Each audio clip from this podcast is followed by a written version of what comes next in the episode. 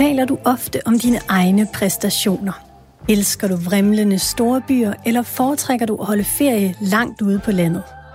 I det her program får vi lavet en såkaldt psykologisk personlighedsprofil på en række kendte mennesker.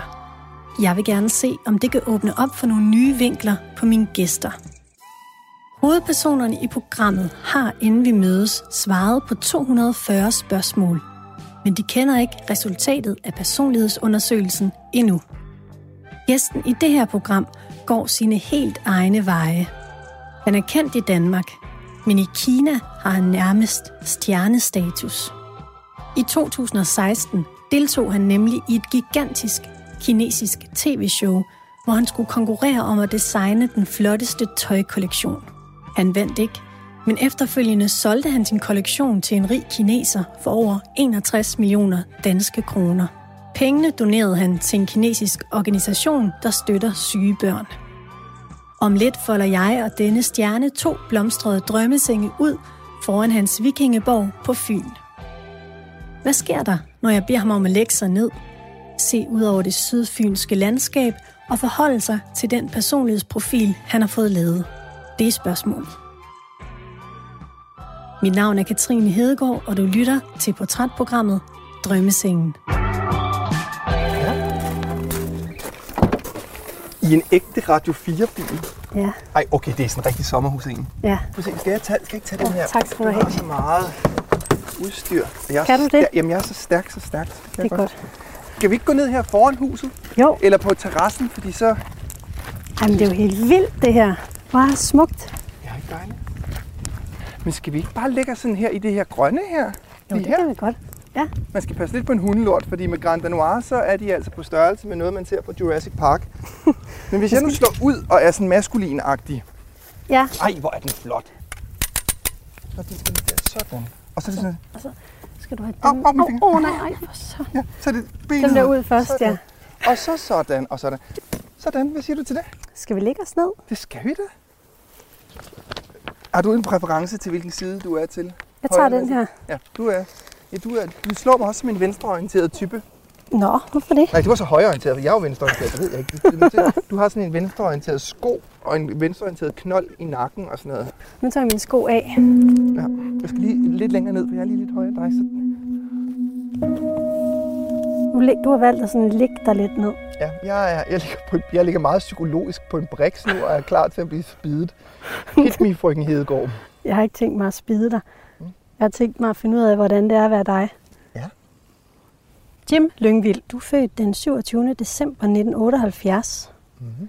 i Holbæk, vokset op i Albertslund i en børneflok på fem. Du er uddannet designer, og så har du et meget langt navn. Ja. Jim Martin Alexander Konstantin Falke Skjold Wegner Lyngvild. I mange år der har du været modekommentator ved Ekstrabladet. Du har medvirket i en lang række tv-programmer. Du har lige nu en udstilling på Koldinghus om kongerækken, og du har været med til at modernisere udstillingen om vikingetiden på Nationalmuseet. Mhm. Og så bruger du til dagligt her sammen med din mand Morten Mhm. i den her selvdesignede vikingeborg, som vi ligger foran. Og så har du udtalt, mit navn er brolagt med forhindringer. Ja.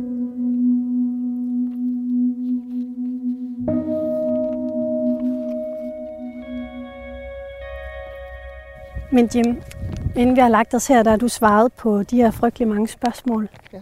Hvordan gik du til den opgave? Og den gik jeg sådan til meget nøgternt. Øh, da du spurgte mig, om jeg ville lave opgaven, så, så, så sagde jeg ja til det, hvis det ville blive interessant. Ja. Og det der med, at der var 240 spørgsmål, som... Var det ikke 240? Jo. Jo.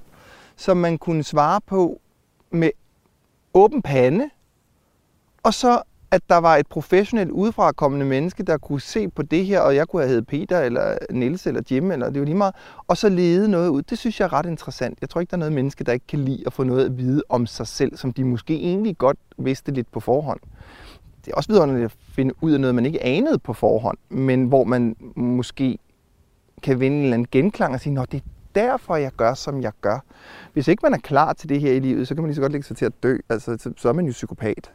Og det tror jeg faktisk er noget af det, øh, den her øh, afhandling, eller det, de her svar, giver præg af, at jeg ikke er.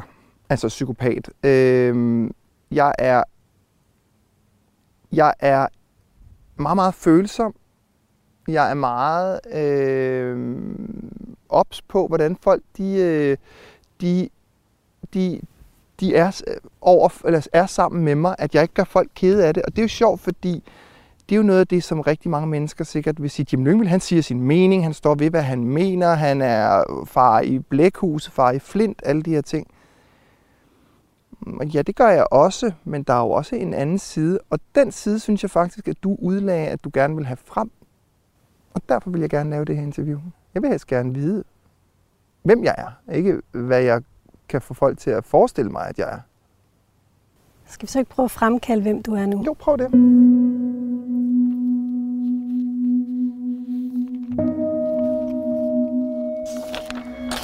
Det første, jeg gerne vil tale med dig om, Jim, som den her øhm, altså den her personlighedsprofil, du har fået lavet, den hedder noget som mundret som en Neopi 3 personlighedsprofil. Ej, allerede der, jeg tænder på det. Jeg synes, det er lækkert. Det er, øh, åh, jeg elsker sådan noget, der lugter lidt af håndsprit. Altså sådan noget, som, som er teknisk. Neopi 3. Ja. Fandme fedt, mand. Vi skal kigge på fem domæner. Mm. Og det første, vi skal kigge på, det hedder emotionelle reaktioner. Jeg vil starte med at spørge dig, hvad kan gøre dig vred? Hvad kan irritere dig?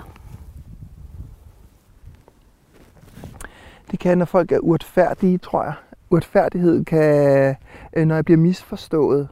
Hvis folk de ikke lytter til, hvad jeg siger, så er min umiddelbare reaktion altid at fare op på barrikaderne og være impulsiv eller være sådan øh, rase ud.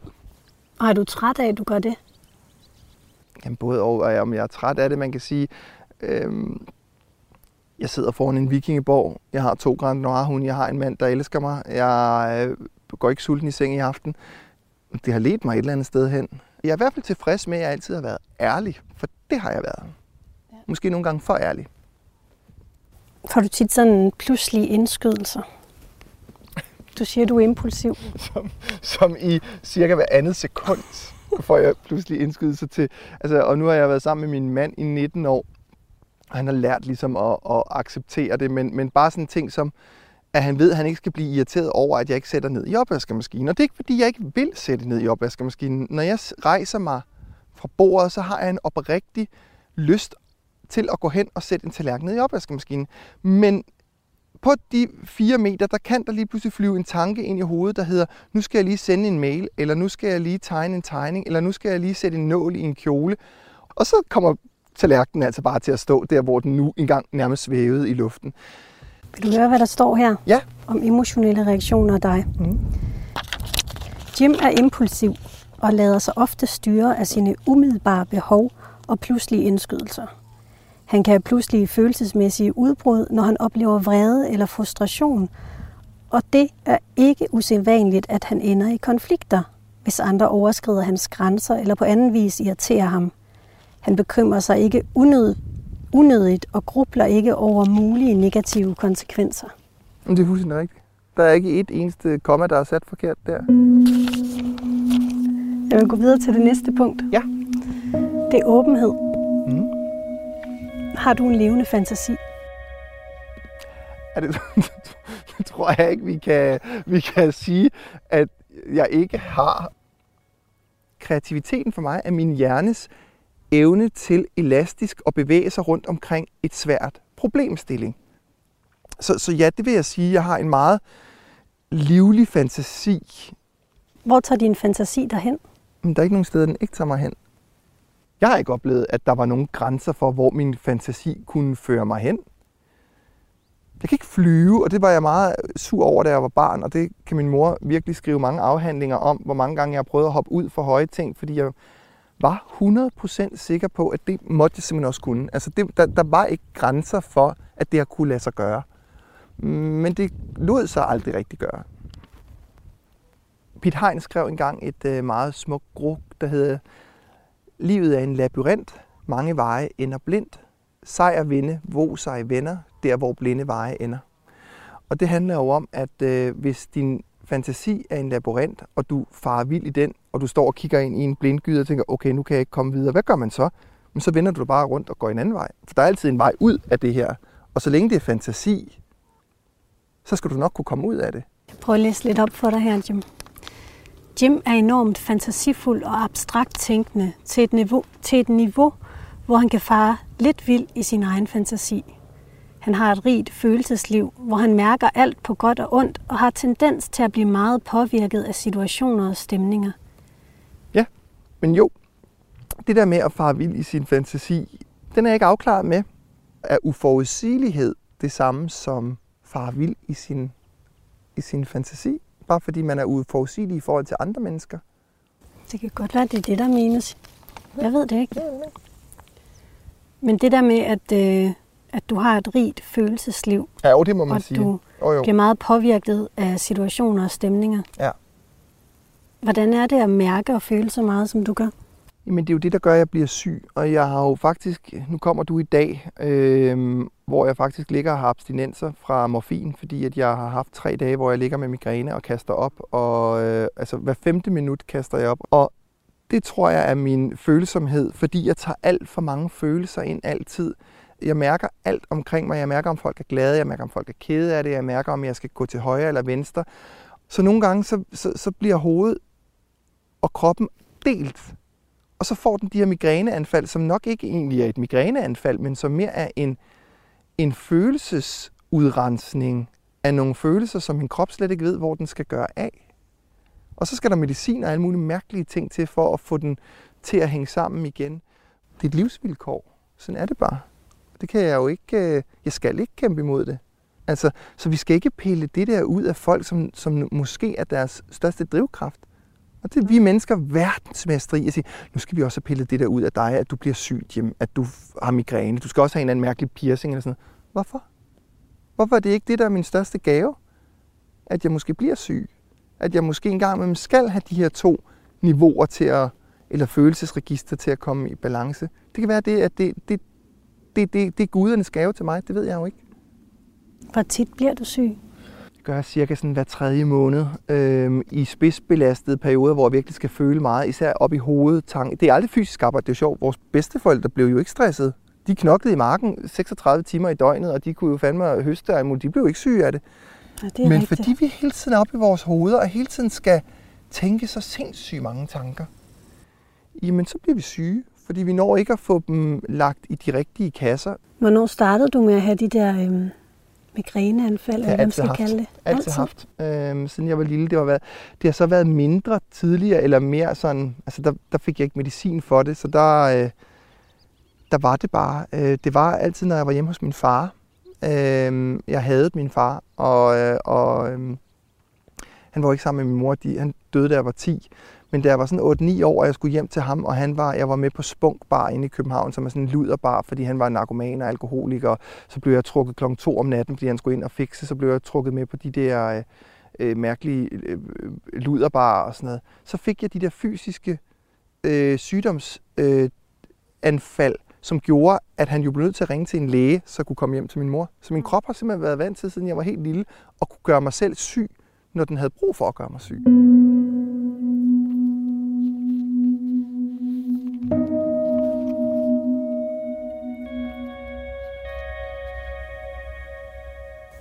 Prøv at fortælle, hvem du var som barn. Øhm, nok det stik modsatte af, hvad man tror, jeg er i dag. Det skal jo også siges, at der er jo mange, der tror, at jeg er et meget åbent og øh, sådan øh, en bog, der, hvor du kan læse alle siderne i og alle de her ting her. Men det er jeg ikke. Jeg er et ekstremt privat menneske. Øh, der er mange ting, jeg slet ikke lukker op for. Øh, måske endda ikke engang for mig selv. Og, og, og det har jeg altid været, også som barn. Der var jeg meget indelukket. Jeg var den laveste dreng i klassen. Jeg var en lille, tynd, anemisk grøntsag. Ang- angst for at, at ikke være god nok, tror jeg. Det, det har jeg stadigvæk en, øh, en stor angst for. Det har jeg i alle projekter, jeg laver. Hvordan fanden skal jeg, Jim Lyngvild fra Albertslund, bilde mig selv ind, at jeg skulle kunne det her? Men det er også en kæmpe stor drivkraft for, at jeg så altid mobiliserer så meget arbejdsmoral, så det skal fandme sidde lige i skabet, for der er ikke nogen, der skal komme og sige noget. Og derfor bliver jeg så også dobbelt så såret, når eksperter så på forhånd går og siger, det kan vi ikke lide, det der Jim Lyngvild øh, ting, han har lavet, det er noget lort. Har du været nede og se det? Nej, men det er jo fordi, det er det jo altid, når han laver det. okay, du har ikke givet at se det. Du har kun givet at tage stilling til, hvad du troede om mig. Og det hele handler egentlig om din egen holdning til, hvem jeg er. Burde du lige få fingeren ud, kammerat, og komme ned og, og, og vurdere produktet? Så der bliver jeg meget, meget såret, når, når jeg føler, at jeg bliver uretfærdigt behandlet på den måde. Kan du ikke fortælle mig lidt mere om, hvad det er for en familie, du kommer fra? Jo. Jeg kommer fra en øh, enig mor med fem børn. Og øh, min fars familie er sådan en gammel, meget fin, halvadelig familie. Øh, alle sammen er øh, i de seneste år, altså min fastre og til også min far. Min far var pornostjerne, min faster var prostitueret. Øh, men det er jo egentlig et ret godt eksempel. Hvorfor bliver du det? Det er jo en masse følelser, der er inde i kroppen, som du ikke... Du ved, at folk drages af dig, men du ved ikke, hvordan du skal forvalte det her. Så bliver pornoindustrien og alle de her ting sikkert meget... Altså, det er lige til højre ben, altså godt, så det er den, jeg trækker fat i. Men inden da, altså bare to generationer tilbage, min oldefar var ekstremt rig øh, øh, bogtrykker, og inden hans, altså min tipoldefar og længere tilbage har alle sammen været biskopper og præster og storkøbmænd og øh, kunstnere. Nogle, der har fået deres kreativitet og deres virketrang ud. Det har de været på min fars side. Er det Lyngvild navnet? Det er Vigen og Lyngvild navnet. Ja. Vi stammer jo direkte fra den slægt, der hedder Hvideslægten, som hed Hvideslægten, fordi at de er ekstra høje, og de er meget, meget lyse. Alle mænd i min fars familie er meget høje, slanke og lyse, på nær min far, som var ildrødhåret. På min mors side er alle små, tykke hjertens gode bønder fra Vestjylland. Ja. Øhm, det er ikke lange uddannelser, men der er man et godt menneske, og man passer sit arbejde, og man er enormt god til følelser, eller, og også til spiritualitet.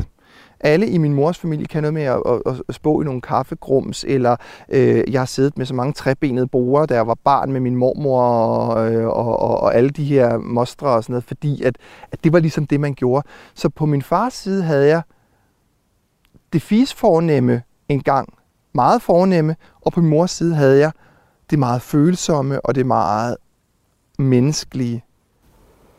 Vil du fortælle mig lidt mere om din far? Jeg læste, at han havde sådan en drøm om, at du skulle være bokser. Ja. Han havde... Øh, alle mænd i min fars familie har også været voldelige over for deres koner. Altså i hvert fald tilbage til tipoldefar, tip-tipoldefar endda. Der ved jeg, at de har tæsket deres øh, koner. Og min øh, far tæskede også min mor, og øh, hvordan kunne han gøre andet? Han havde aldrig prøvet andet fra sin far, end at få tæsk af min farfar, som elskede os børnebørn, men som tæskede sine egne børn og sin kone. Så det er jo bare et mønster, der gentager sig. Men min far havde altså en overbevisning om, at jeg skulle... Han havde nogle helt klare overbevisninger om, hvem jeg skulle være. Jeg hedder jo også Jim efter min farfar, øh, for det var meget vigtigt, og jeg hedder Martin Jim Martin efter min oldefar. Så jeg er den tredje. Og det var meget vigtigt, at de her ting de blev håndhævet, og at, familieværdierne blev ført videre. Så jeg skulle i hvert fald gå til boksning som barn, for det var en maskulin sport. Og til, til, til sådan noget som fastelavn, der skulle jeg klædes ud som Superman. At jeg så altid klædte mig ud som Askepot. Og når folk de spurgte, lille treårige dreng, hvad hedder du? Så sagde jeg Askepot, for jeg synes, at hun var så smuk, og hende kunne jeg identificere mig med. Ja. Så var det, det, det var aldrig noget, jeg sagde til far. Så jeg vidste udmærket godt dengang, at jeg blev nødt til at lyve over for ham, der sad med den løftede pegefinger, fordi ellers så faldt hammeren, og så var det ikke sjovt at, at være hjemme. Så siden jeg var helt lille, har jeg været vant til at skulle ikke nødvendigvis omgå sandheden, for det er et forkert ord at bruge, men modificere den virkelighed, som en anden menneske sad med. Og det kan være enormt manipulerende, tror jeg. Og det tror jeg også ender med, at man bliver manipulerende af det, og jeg tror også, jeg er ekstremt manipulerende. Tror uden at ville være, ja, uden at ville være det af en ondskab, eller sådan, fordi for egen vindings skyld, eller nu skal jeg også øh, jeg er bare vant til at kunne ændre folks sindelag.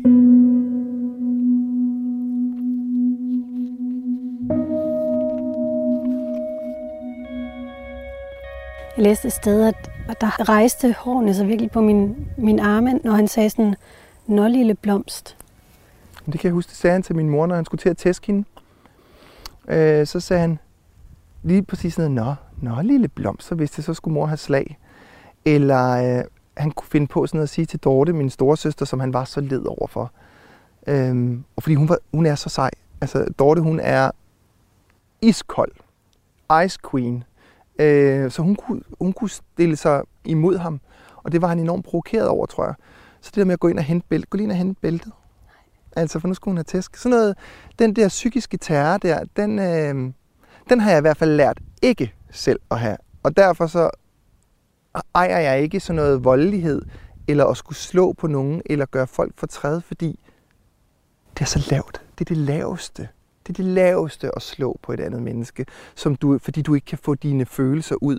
Altså verbalt kan vi øh, diskutere, øh, på ord kan vi, vi kæmpe, men lad være med at lægge hånd på mig, og lad være med at lægge hånd på andre, for det er simpelthen for lavt. Mm. Det, er, det er at kapitulere big time, hvis du mener, at du skal så langt ud for at få dine meninger igennem. Men det, som jeg, man skal huske, altså selvom jeg kan synes, at han var et dumt svin, og jeg ikke kan identificere mig, alle de her ting, øh, som niårig gav han mig en konto til den lokale fotobutik i Albertslund, fordi han selv elskede at fotografere.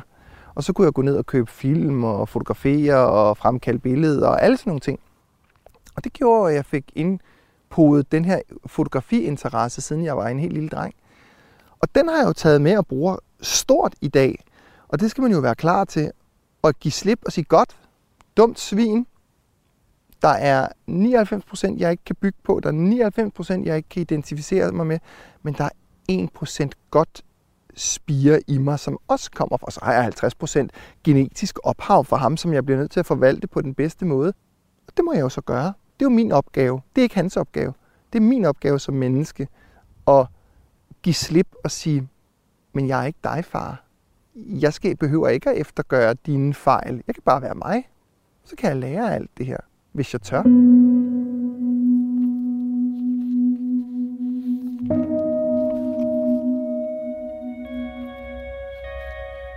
Har du nogensinde været bange for at blive som ham? Ja, det har jeg. Øh, det tror jeg, alle er. Øh, hvis man har oplevet noget, noget meget øh, ekstrem barndom, så tror jeg, man har nogle år, hvor at det kan være, man kan blive bange for at blive som dem øh, som er ens værste øh, spøgelse. Der er, lige, der er nogle ting, vi lige skal igennem her, inden ja. vi, lige kan gå videre. Der skete noget, da du, øh, da du blev 10 år. Der kom du på børnepsykiatrisk afdeling. Ja. Hvad, hvorfor gjorde du det? Jamen, jeg har gået på 10 forskellige skoler i Albertslund. Øh, jeg blev smidt ud fra alle skoler, fordi at det her, det snakker vi jo, nu skal jeg lige tænke på om en gang, der snakker vi fra sådan noget 86 til 92 eller sådan noget. Øh, 85 måske til 92 der var der altså ikke noget, der hed diagnoser i skolen. Der kunne man være et problembarn, og det var ligesom det, der var. Altså hvis man opførte sig mærkeligt, så var man et problembarn. Man kunne ikke være ADHD eller DAMP eller Asperger eller noget som helst andet. Så jeg har ikke fået alle de her bogstavsdiagnoser heldigvis. Mm.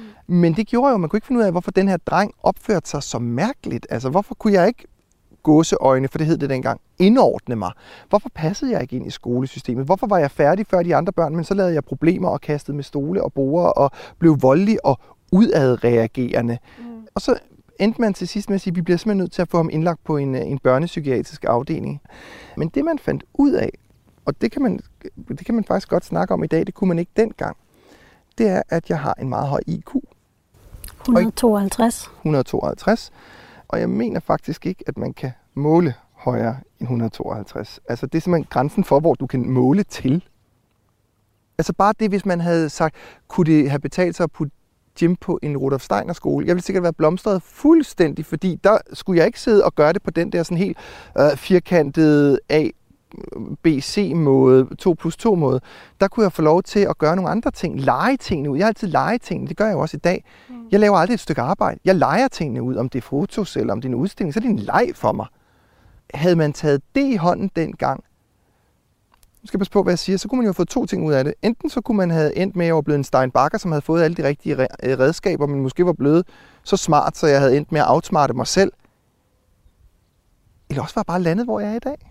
Altså, og det skulle da måske meget godt, at jeg skulle kæmpe mig hele vejen igennem det der mærkelige system, hvor jeg ikke passede ind, og hvor at der var så mange mennesker, der pegede af mig, og voksne mennesker synes jeg var forfærdelig, fordi jeg simpelthen var øh, krakilisk og kolerisk, og alle de her forfærdelige ord, man kan sætte på børn, som vi alle sammen kender, som opfører sig mystisk. Måske skulle være lidt stolte af, af de der mærkelige små børn, som, som ikke passer ind i de der kasser, for det er faktisk dem, der skal redde verden. Det er ikke hende den søde kønne, der sidder nede med sit lange lyse hår, som vi alle sammen ved bliver kæreste med ham over for fodboldholdet. Hun kommer højst sandsynligt ikke til at gøre en forskel. Jeg er ked af at sige det.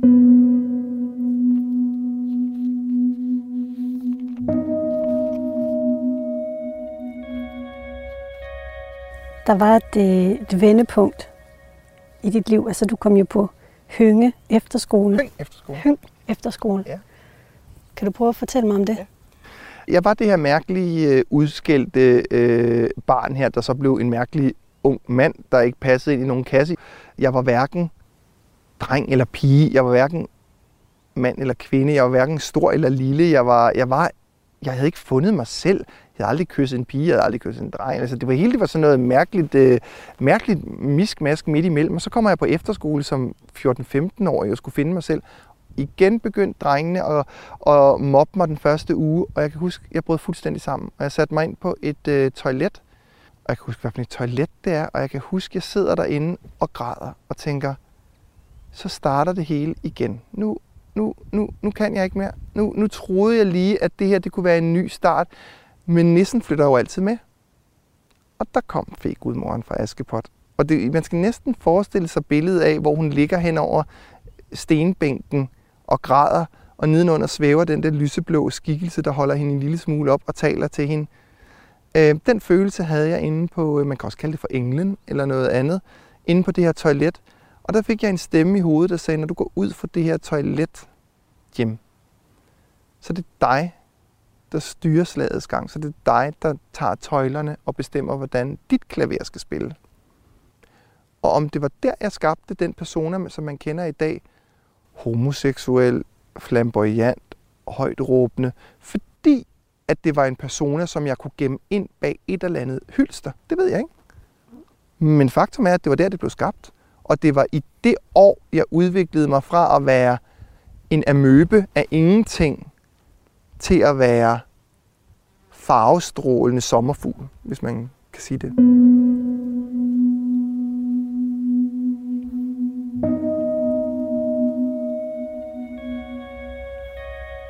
Vi holder lige en lille pause, hvor vi lige... Øh, kan du lige fortælle, hvordan du ligger?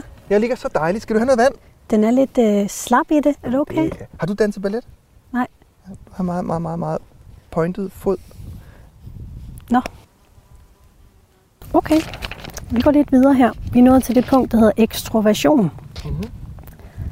Hvordan tror du egentlig, andre opfatter dig, når de møder dig første gang? Jeg tror, man opfatter mig som et menneske, der indtager et rum, og som lyser op, og som har 100% styr på en situation. Jeg kan godt virke en anelse arrogant, hvilket man ikke skal forveksle med både at kunne være distræ eller faktisk genert. Øh, for jeg er ekstremt genert. Og det forventer folk jo ikke, at jeg er. Men det er jeg. For eksempel, hvis jeg nu tager ind til Forborg, og der er 1500 mennesker inde i kirken, for det er der hver dag inde i Forborg Kirke lige nu, på grund af de åndssvage billeder, jeg har lavet. Jeg hader at sætte mig, og folk de kommer hen og taler til mig. Jeg hader det. For jeg kan ikke lide at skulle tage stilling til det, jeg har lavet. Altså, hvor der sikkert er andre kunstnere, der vil sidde og svælge i den berømmelse, eller sådan, "Jamen, se mig, ja, så kan de gå og holde lange foredrag og, og nyde, hvor, hvor meget opmærksomhed. Det bryder jeg mig ikke om, hvilket er stik modsat af det, jeg udstråler. Øh, så, så jeg foregiver at være én ting, men jeg er faktisk noget helt andet. Hvorfor gør du det? Det er fordi, det er jo et skjold. Eller det er jo, et, et, et, det er jo, det er jo, mit, det er jo min maske. Hvis jeg hele tiden lod mig suge på, eller hele tiden lod mig misbruge gåseøjne, øh, så vil jeg jo blive suget. Altså min energi vil jo blive suget ud af mig hele tiden, så jeg bliver nødt til at have det der professionelle ansigt udad til, der kan klare det hele. Og så kan jeg sætte mig ind og græde, eller, eller passe på mig selv, når jeg sidder i bilen. Men når jeg stiger ud af bilen, eller når jeg bare går på gaden i Forborg, eller hvad det må være, så har jeg en maske på, for det bliver jeg nødt til. Folk, som jeg kan være grimme sammen med, hvor jeg har lyst til at tage mine træsko på, eller have for korte natbukser øh, og pletter, sovsepletter på maven, og så tage hjem og spise aftensmad hos dem, det er mennesker, jeg godt kan lide at være sammen med. Folk, hvor jeg skal have noget bestemt på, eller, eller leve op til noget bestemt, eller vi skal også gøre, fordi det er fint at sidde på den restaurant, eller den café, eller sådan noget. Aldrig nogensinde være i det. Aldrig. Aldrig. Mit liv er simpelthen for kort. Altså, og jeg har haft venner i København, eller sådan bekendte, hvor at, især i den her kendisbranche, eller, eller, eller skuespil- og mediebranche, hvor at, så skulle man komme på en eller anden bestemt natklub, fordi det var fint, eller, eller så skulle man købe et bord, der kostede 10.000. Hvad- Jeg er sammen med nogle mennesker, der gør mig glad, og som får mit hjerte til at kysse kødet, og får mig til at grine, og, og som får mig til at savle, og får mig til at gøre alt muligt, hvor jeg ikke er ked af, at jeg savlede, eller grinede, eller råbte lidt for højt, eller var lidt for glad. Det er sådan nogle mennesker, jeg godt kan lide at være sammen med. Få mit hjerte til at kysse kødet. Det var virkelig fint.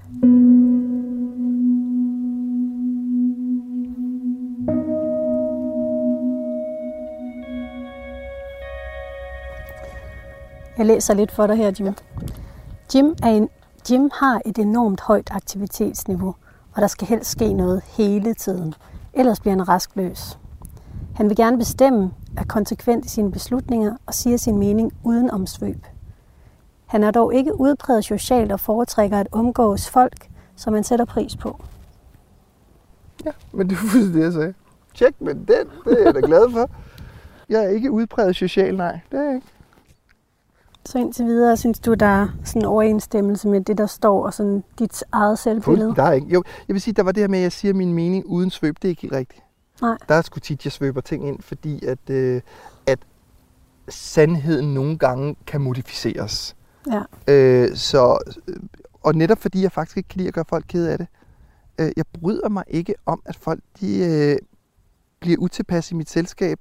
Øh, og det nemmeste, fordi jeg ved, jeg har det intellekt, jeg har, det er at tyrannisere folk. Det er det nemmeste i verden. Jeg kan sige præcis, hvor det er, dit ømme punkt er.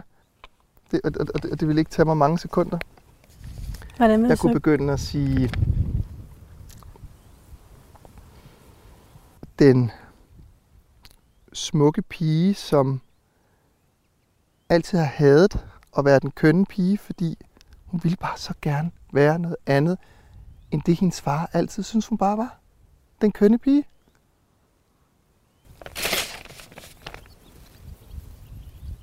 Men er det sådan, altså hvordan gør du det, når du sådan skal spotte de ømme punkter? Jeg synes, det lyser ud af folk. Altså, jeg ved det ikke, og jeg ved jo ikke, om jeg har ret i det, jeg siger. Jeg ved bare, at, øh, at, at, at ofte har jeg ret i mine antagelser, og jeg kan simpelthen mærke det med det samme på folk. Du har problemer med din mor, du er blevet seksuelt misbrugt, du har haft en dominerende far, du, altså, det, folk, de, det lyser ud af folk. Altså, jeg kan ikke sige, hvorfor. Hvad bruger du det til? Jeg bruger det ikke til noget. Og det er derfor, det er derfor jeg siger, hvad jeg gør. Mm. Jeg må ikke bruge det til noget. Fordi der er jo mennesker i verdenshistorien, der har haft samme evne, som har misbrugt det på det groveste. Og du kan jo forføre folkemængder, hvis du misbruger det. Men du kunne også lade være og bare vælge at sige, ja, nu er jeg her, og jeg har det, jeg skal have. Kan du, kan du følge mig? Var det det, din far også gjorde? Nej, det var det ikke. Det havde han slet ikke. Altså slet ikke på samme måde. Øhm, overhovedet ikke. Jeg tror, min mor måske kan lidt det samme. Det er mærkeligt, for det burde være fra min fars side. Men det er jo det spirituelle, der kommer ind, og det er fra min mors side. Øhm, men, øhm, men min far, han kunne det der med, at alle blev forelsket i ham, fordi han var flot og høj og altså sådan en, en, en karismatisk mand, han så bare også var et uselt lille menneske, men det spejlede jo bare den anden side, kan man sige. Men man må ikke, man må ikke misbruge de der situationer. Det er jo det, psykopater gør. Og det er det, som jeg er... Mm, jeg tror, min far var psykopat. For han evnede ikke at, at sætte stopklodsen. Og psykopaterne sætter jo ikke stopklodsen. De misbruger jo situationen. De træder jo direkte over den grænse, hvor du ikke må træde over. Du må ikke bruge den her gave her. Du må ikke, du må ikke trække andre folks værste mareridt ned over hovedet på dem som et spejl, der skræmmer dem, så du lige pludselig kommer til at kunne styre dem rundt ved en, en snor omkring halsen. Det er det mest modbydelige, du kan gøre med andre mennesker. Det må man ikke. Går videre til det, der hedder venlighed. På spørgsmålene, der handler om ligefremhed, der har du svaret. Altså i det, det her schema, der skulle man svare meget uenig, uenig, neutral, enig eller meget enig. Ja. På spørgsmålet ikke snu eller udspekuleret har du skrevet meget uenig. Er parat til at manipulere med folk, meget enig. Kunne ikke føre nogen bag lyset, meget uenig. Presser folk til at gøre ting, meget enig. Vil ikke betragtes som en hykler, meget enig. Narrer folk til at gøre ting, meget enig. med ærlighed kommer man ikke langt enig. Men det tror jeg, det er sjovt, fordi lige præcis det der, det er jo det stik modsatte af det, jeg lige har sagt. Det er, det, det er jo diametralt modsatte. Men, men det skal man også huske på, når, når man laver denne her, så kommer man ind i en række spørgsmål, hvor du allerede godt der kan mærke, hvor bærer det her hen af, hvad er det sjove svar? Er det sjove svar? Nej, jeg kunne ikke finde på at manipulere med folk. Nej, det kunne, ej, jeg er altid sød over for folk, når jeg møder dem. Gud, hvor er det kedeligt. Det er jo kun interessant, hvis jeg svarer noget, der får dig til at stille mig det modsatte spørgsmål nu, så jeg bliver nødt til at stille mig selv spørgsmålet en gang til. Hvad er jeg egentlig? Og jeg har jo lige svaret på det. Jeg kan være manipulerende. Jeg kan få alt. Jeg, jeg kan få folk til at gøre alt, hvad jeg vil. Og jeg ved, det lyder så arrogant. Men hvis jeg vil have Nationalmuseets direktør til at lave en udstilling om vikinger, så får jeg Nationalmuseets direktør til at lave en udstilling omkring vikinger. Om det så lyder som om, at det er det sidste, der nogensinde kommer til at ske på denne Guds grønne jord. Jeg kan få folk til alt.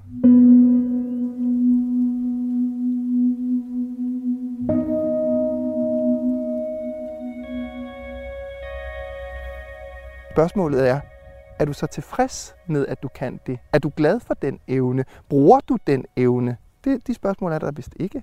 Nej, men så kan jeg spørge dig om det. Bruger du den evne? Nogle gange gør jeg. Øh, hvis jeg sidder i en forhandlingssituation med, med en forhandling, eller forretningspartner, jeg har jo altså også et kosmetikfirma og, en, og et bryggeri og ting, der skal tjene penge, der er der jo situationer, hvor at det handler om kroner og øre. Og der må du gemme, om du er øh, ked af det, eller om du har en øh, hund, der er syg derhjemme. Eller, det må du simpelthen parkere ude på parkeringspladsen. Og nu handler det om hardcore forhandling. Eller nu skal jeg have noget igennem, fordi at jeg skal have en udstilling, der skal bygge bro til, noget, til det næste. Der kan jeg sagtens være nådesløs i forhold til, hvad jeg vil have igennem. Men ikke med menneskelige følelser. Nej. Og der er stor forskel. Vi skal skille de to ting vidt, altså helt ad. Følelser og forretning. De to ting blander jeg aldrig. Morten er det eneste menneske, jeg aldrig nogensinde er blevet træt af. Han er jo ansat i mit firma, altså, og får åbenbart løn hver måned. Det ved jeg, jeg ikke. Han styrer jo min økonomi. Jeg ved ikke, hvad der står på min konto, men det er da super dejligt, at han får nogle penge for det.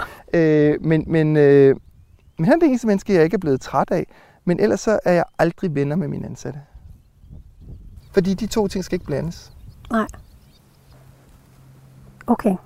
Men du har simpelthen svaret på den her måde, fordi du synes, det var den mest interessante måde at svare på. Ja. Ja, fordi jeg ved, det også er rigtigt. Ja. Igen, du har ikke stillet mig spørgsmålet, men synes du så, det er fair, at du bruger den, eller hvornår bruger du den øh, kompetence? Men jeg ved, jeg kan være manipulativ. Ja. Men du... kun når det drejer sig om business. Ja, ikke, ikke, ja. ikke nej, det, jeg tror aldrig nogensinde, jeg vil være det over for mennesker. Nej, det har jeg ikke lyst til. Det synes jeg er en ubehagelig øh, egenskab. Er det en side, du kan være lidt bange for ja, ved dig selv? det kan du tro, det er. Øhm, det er også derfor, jeg siger, jeg ved, der er jo folkeforfører. Og nu kan man jo se, hvad jeg har opnået nu i en alder af 41 år, og de ting, jeg laver, øh, hvor mange følgere jeg har på sociale medier. Jeg kunne sagtens forføre mennesker. Jeg kunne lave en sekt, hvis det var det, jeg ville, at lave en, en eller anden mærkelig religiøs sekt, der får folk til at punge ud og gøre mærkelige ting. For hvis skyld? For min egen økonomiske formåens skyld, så tjente jeg 10 millioner kroner mere om året, eller hvad? Altså, vil jeg blive lykkeligere af det? Ej, jeg vil føle mig enormt hul af at have udnyttet andre mennesker. Øhm, så, så ja, jeg er ekstremt bange for, eller i hvert fald bevidst om ikke at misbruge den egenskab. Jeg læser lidt for dig om venlighed. Jim er meget tillidsfuld og tror på, at andre vil ham det godt. Han bliver nemt bevæget af og får medlidenhed med folk, som har det svært og kan have svært ved at lukke af for de følelser, som det sætter i gang. Ja. Det har vi været lidt inde på, ikke? Mm. Samtidig er han ekstremt konkurrerende og bliver nemt fjendtlig, sarkastisk og aggressiv, hvis han føler sig forudrettet. Ja, det er helt rigtigt. Aggressiv. Jamen, men ordet, det, ja, aggressiv er et godt ord. Øhm, men det er fordi ordet forurettet er det, du skal sætte streg under her. Forurettet er jo altid følelsen af, at nogen behandler dig på en måde, som du ikke har fortjent. Du bliver nødt til at tage elementerne med, hvis du skal have en holdning til ting. Du har sagt her i forbindelse med Nationalmuseet, og de anmeldelser og reaktioner, der kom, så har du sagt her, det er et lidt langt citat. Jeg tror ikke, at der er en lektor, der ikke har udtalelser om mine kompetencer. Jeg har ønsket at lave noget visuelt smukt. Forleden var der et indlæg i en avis, i en avis hvor en mente, at jeg læflede for højrefløjen, fordi jeg ikke havde brugt tralle i det, jeg har lavet. En anden museumschef skrev, at jeg var rapplende dilettant. Et barn af Trumps tids, eller på sociale medier er blevet kaldt for pædofil. Måske hænger det sammen med, at jeg sætter mit kryds et andet sted, end der passer den røde kulturelite. Jeg tager det op fra ned. Jeg tager det ikke helt op fra ned. Det er meget stort sagt af mig derfor det gør jeg ikke. Jeg bliver faktisk sur. Altså undskyld, jeg har ikke hørt, at der var nogen hold i kunstverdenen. Jeg har ikke hørt, at kulturlivet havde klasseopdelinger, om du er A- eller B-holdet, eller højre- eller venstreholdet. Og når folk møder mig med, ja, vi ved godt, hvem du er, eller, altså, grund til at sige det her med de der gymnasielektorer, det var jo, at man havde fået alt, hvad der overhovedet var, der havde en holdning til vikinger, om at udtale sig på forhånd om vikingeudstillingen, der var bare ikke nogen af dem, der havde set den. Der var ikke engang nogen, der havde set et billede af den, for den var ikke åbnet endnu. Der var ikke engang frigivet nogle billeder inden for Nationalmuseet. Så hvordan man kan sidde og udtale sig om Jim Lyngvilds dilettantarbejde, når du aldrig nogensinde har set det? Ej, der bliver jeg sgu en lille smule øh, øh, mat i betrækket, det må jeg sige. Jeg går heller ikke ud og, og, og, og mener, at øh, Rasmus Sebaks nye øh, plade er det værste lort, før jeg har hørt den. Og jeg mener sikkert ikke engang noget om det, for jeg ved faktisk ikke særlig meget om musik, så jeg skal måske bare holde min kæft omkring Rasmus Sebaks musik. Han er stadig og meget svært ved at tilgive fornærmelser.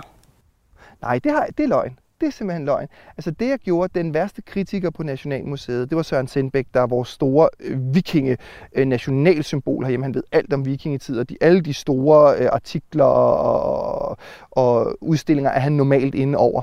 Og da jeg så skulle udgive en bog nu om vikinger, så tænkte jeg, hvad fanden gør jeg? Søren Sindbæk, han synes, det var det værste lort inde på Nationalmuseet. Jeg spørger, om jeg ikke vil skrive forord, og så spørger jeg, om han ikke vil være med til at skrive min bog. Og nu er Søren Sindbæk blevet min allerstørste fortaler og har anmeldt bogen, som det, den hører til på et museum, og jeg skal komme efter dig. Så jeg bestemt ikke, igen, så manipulerer jeg bare. Altså, hvis du ikke vil marke ret, hvis ikke du vil spille efter min pip, så manipulerer jeg dig bare, til du gør det. Er han klar over, at du har gjort det? Ja, han griner det også, for han synes det også, det er sjovt, at jeg har fået skovlen under ham. og han har jo ikke mistet noget ved det. Jim ser sig selv som udspekuleret og har ingen problemer med at manipulere og få folk til at gøre, som han ønsker. Nej, det er lige i sådan en situation her, så har jeg ikke noget problem med det. Altså en bog, en udstilling, en det her, det er business. Det er ikke følelser. Om beskedenhed, der har du øh, svaret i spørgeskemaet. Ikke noget imod at prale. Enig. Undgår at tale om sig selv. Meget uenig. Har høje tanker om sig selv. Meget enig. Ved sig bedre end andre. Enig. Blærer sig ikke. Meget uenig. Vil hellere rose end blive rost. Meget uenig. Er bedre end de fleste. Enig. Jamen, igen har jeg jo svaret det, du gerne ville høre. Det, der var det mest interessante for interviewet. Altså, jeg kunne også have sagt det modsatte, og så kunne en anden psykolog have sagt, nej, det er ikke rigtigt. Det, øh, for jeg ved jo, at med de andre ting, han har svaret, jeg ved da godt, hvad udfaldet bliver af det her. At jeg lyder som megloman, men jeg har også lige siddet og fortalt dig, jeg ved jo også, hvornår de her spørgsmål de kommer, at øh, først har jeg fortalt om min barndom, jeg har fortalt om mine svagheder, jeg har fortalt om, hvilket menneske jeg er, øh, at jeg er et meget, meget følsomt menneske, at jeg ikke er psykopat. Det tror jeg godt, vi kan slå fast, fordi jeg har simpelthen for mange følelser til at være psykopat.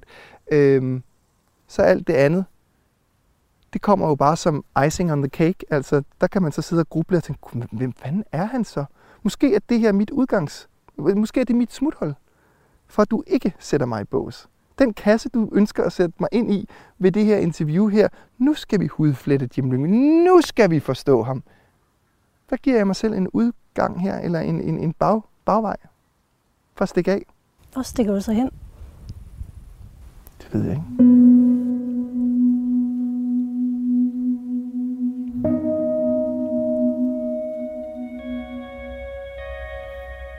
Jeg læser noget for dig her. Jim er ekstremt målrettet og arbejder enormt disciplineret og fokuseret for at lykkes og opnå succes med det, han vil. Han hader stærkt kontrollerede situationer, hvor det forventes, at han skal agere på en bestemt måde. Det er rigtigt.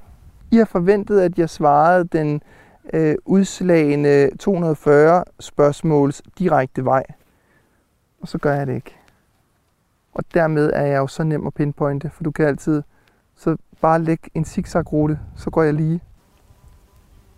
det er ikke sådan, at jeg... Det er ikke, nej, men jeg er ikke sådan en... Jeg har ikke lyst til at stikke, for jeg kan faktisk godt lide at være her lige nu. Og jeg kan godt lide det her interview. Jeg kan rigtig, rigtig, rigtig godt lide det. Men jeg kan også godt lide, at det ikke bare følger den der sådan, gud... Altså, hvad var spørgsmålene? Altså den med beskedenhed. Ja. Ikke noget imod at prale. Undgå at tale om sig selv. Øhm, prøv at vende den rundt. Prøv at vende den rundt, så jeg havde svaret det modsatte. Kan du gøre det sådan? Ikke noget imod at prale uenig. Gud, hvor havde det... Pus min glorie. Ja, næste. Undgår at tale om sig selv meget uenig. Nej, meget enig. Ja, jeg kan ikke virkelig lide at... Ej, det kan jeg ikke. Ej, det kan jeg ikke. Det vil også være Og det vil virkelig være dumt med alt det, jeg har siddet og sagt nu. Det vil være direkte løgn. Så kan det godt være, at det lyder sådan småtosset og storhedsvandsvidelse og alt, men det er jo rigtigt. Ja, ja. Så, Det er der heller ikke noget galt nej, med det. Nej, nej. Men jeg siger bare, gud, hvor havde det dog været nemt at prøve at fremstå som sådan den der søde lille pige, der sidder i klassen og ved, hvad man skal sige, fordi så kommer man i hvert fald ikke galt afsted. Så, så siger man alle de rigtige ting, og så bliver der ikke bliver radaren ikke sat på en. Jeg vælger at sætte spotlyset direkte ned på mig lige nu, og sætte min røv så meget klaskehøjde, jeg overhovedet kan. Det er ikke der, jeg kan lide at være 90% af tiden, det er der, jeg kan være, lide at være 10% af tiden. Ja. 90% af tiden skal jeg være i ro og i balance og være med Morten og alle de her ting. Men 10% af tiden skal jeg være i modvind. Der skal jeg have noget at fyre en catcher op af, sådan så at jeg får brugt mine muskler. Og jeg får ikke brugt mine muskler ved at sidde og være en sød og pæn dreng. Jeg får kun brugt dem mentalt ved at være et dumt svin en gang med Men ikke et dumt svin over for andre. Dumt svin på den der måde. Fordi det er et, et, et ubehageligt dumt svin, der har sagt det der om sig selv. Hvis jeg, havde, hvis jeg uden at kende et menneske havde hørt et menneske, der havde sagt det der om sig selv, så havde jeg tænkt, det der menneske gider jeg da ikke at spille to minutter på. Men så håber jeg da også, der kommer noget, som jeg kan spille op mod nu.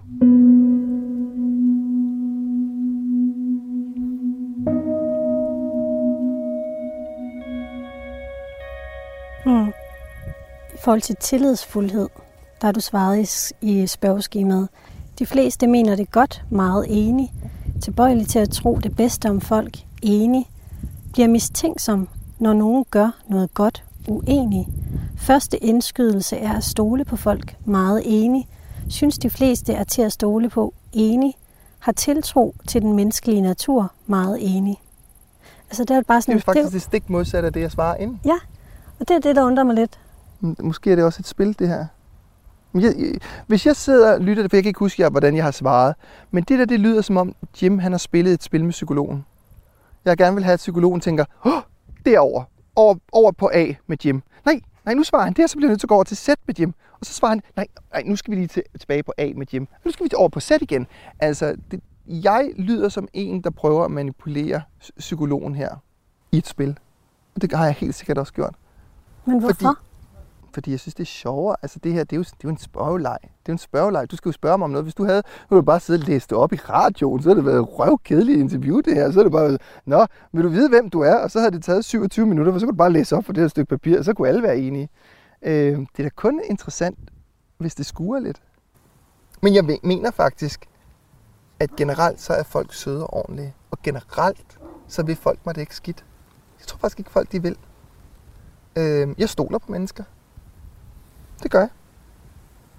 Men du kan jo altid i den her slags øh, interviews se, hvad er det spørgsmålene skal. Hvad vil spørgsmålene spørge mig om nu? Og hvilke mønster ønsker de at tegne? Øh, og så kan man jo spille med på den leg. Øh, man kan være den pæne pige i klassen, der siger, men det vil jeg gerne svare sandroligt på. Eller også så kan man sige, at interviewet bliver måske mere interessant, hvis jeg stiller mig lidt på bagbenene her, og så svare noget, som jeg ved vil få journalisten til at sige, prøv, prøv, prøv lige at uddybe det der engang, fordi det synes jeg faktisk er ret interessant. Og jeg vil hellere have et interessant interview, end et pænt interview. Altså, du kan få svin med pæne interviews. Når vi leger, så glemmer vi tiden. Ellers så skal vi lade være med at lege. Jeg gider ikke lege halvt. Jeg gider ikke at elske halvt. Jeg gider ikke at, at, at have det sjovt halvt. Og jeg gider kun at lave noget, jeg synes er sjovt. Den her profil, du har fået lavet, den viser, at du sådan er ekstremt målrettet. Hvad er det, du gerne vil lykkes med? Og hvad er det, der driver dig? Jeg ved, hvad mit... Jeg ved, hvad min mening på jorden den er. Ved du det? Ved du, hvad din mening med jorden, eller med, med livet det er? Min mening med livet, ved jeg præcis hvad er. Når jeg går i graven, så skal danskerne være blevet klogere på deres egen historie, og de skal have løftet nakken 5 cm i forhold til deres forhistorie. Det er min mission med livet. Hvad får du ud af det? Ikke noget. Jeg kommer måske til at stå i en eller anden historiebog et eller andet sted. Men skal der være noget, at man får ud af det? Men det, altså, det er bare for at forstå, altså når du både sådan, du har jo svaret, at, at du, du godt kan lide ros, du kan godt lide anerkendelse og jo, jo, men det er ikke sådan en, det er ikke sådan en, at jeg er da ligeglad med, om jeg står i en eller anden historiebog om 200 år, der er død. Jeg har ikke brugt til noget. Det er nu, jeg lever. Det er her, mens jeg lever. Det, jeg gerne vil have ud af det, det er, at jeg får nogle muligheder for at fortælle historier. Jeg kommer til at åbne nogle udstillinger i fremtiden, som jeg ikke kan tale om her, som er så fornemme, at man tænker, hvordan fanden kunne lille Jim fra Alberslund opnå det? Det var der ingen, der nogensinde havde spået. Måske er der en diskrepans mellem, hvad man mener er det rigtige, og hvad folket vil have. Så måske skal der være en lille dreng, der råber. Men måske er alting bare helt freudiansk ned i far og mor. Måske vil jeg bare rigtig gerne have, at far accepterer mig. Måske er det det, det hele handler om. Måske er det ikke så dybt, som at jeg vil tækkes kunsteliten, eller ikke have et ridderkors, eller ikke huske som 200 år, og jeg skal komme efter dig. Måske vil jeg bare gerne have far til at elske mig. Og det er måske egentlig fint nok.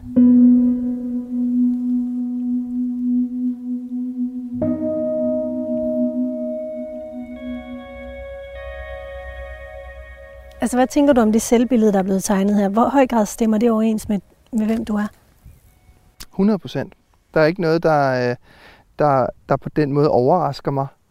Øh, det overrasker heller ikke mig selv, at jeg måske kan komme til at spænde ben for mig selv, eller at jeg kan komme til at løbe zigzag uden egentlig at vide, at det er det, jeg har gang i. Det kan jeg godt se, når jeg nu får svaret, for jeg kan jo ikke huske, hvad jeg havde svaret.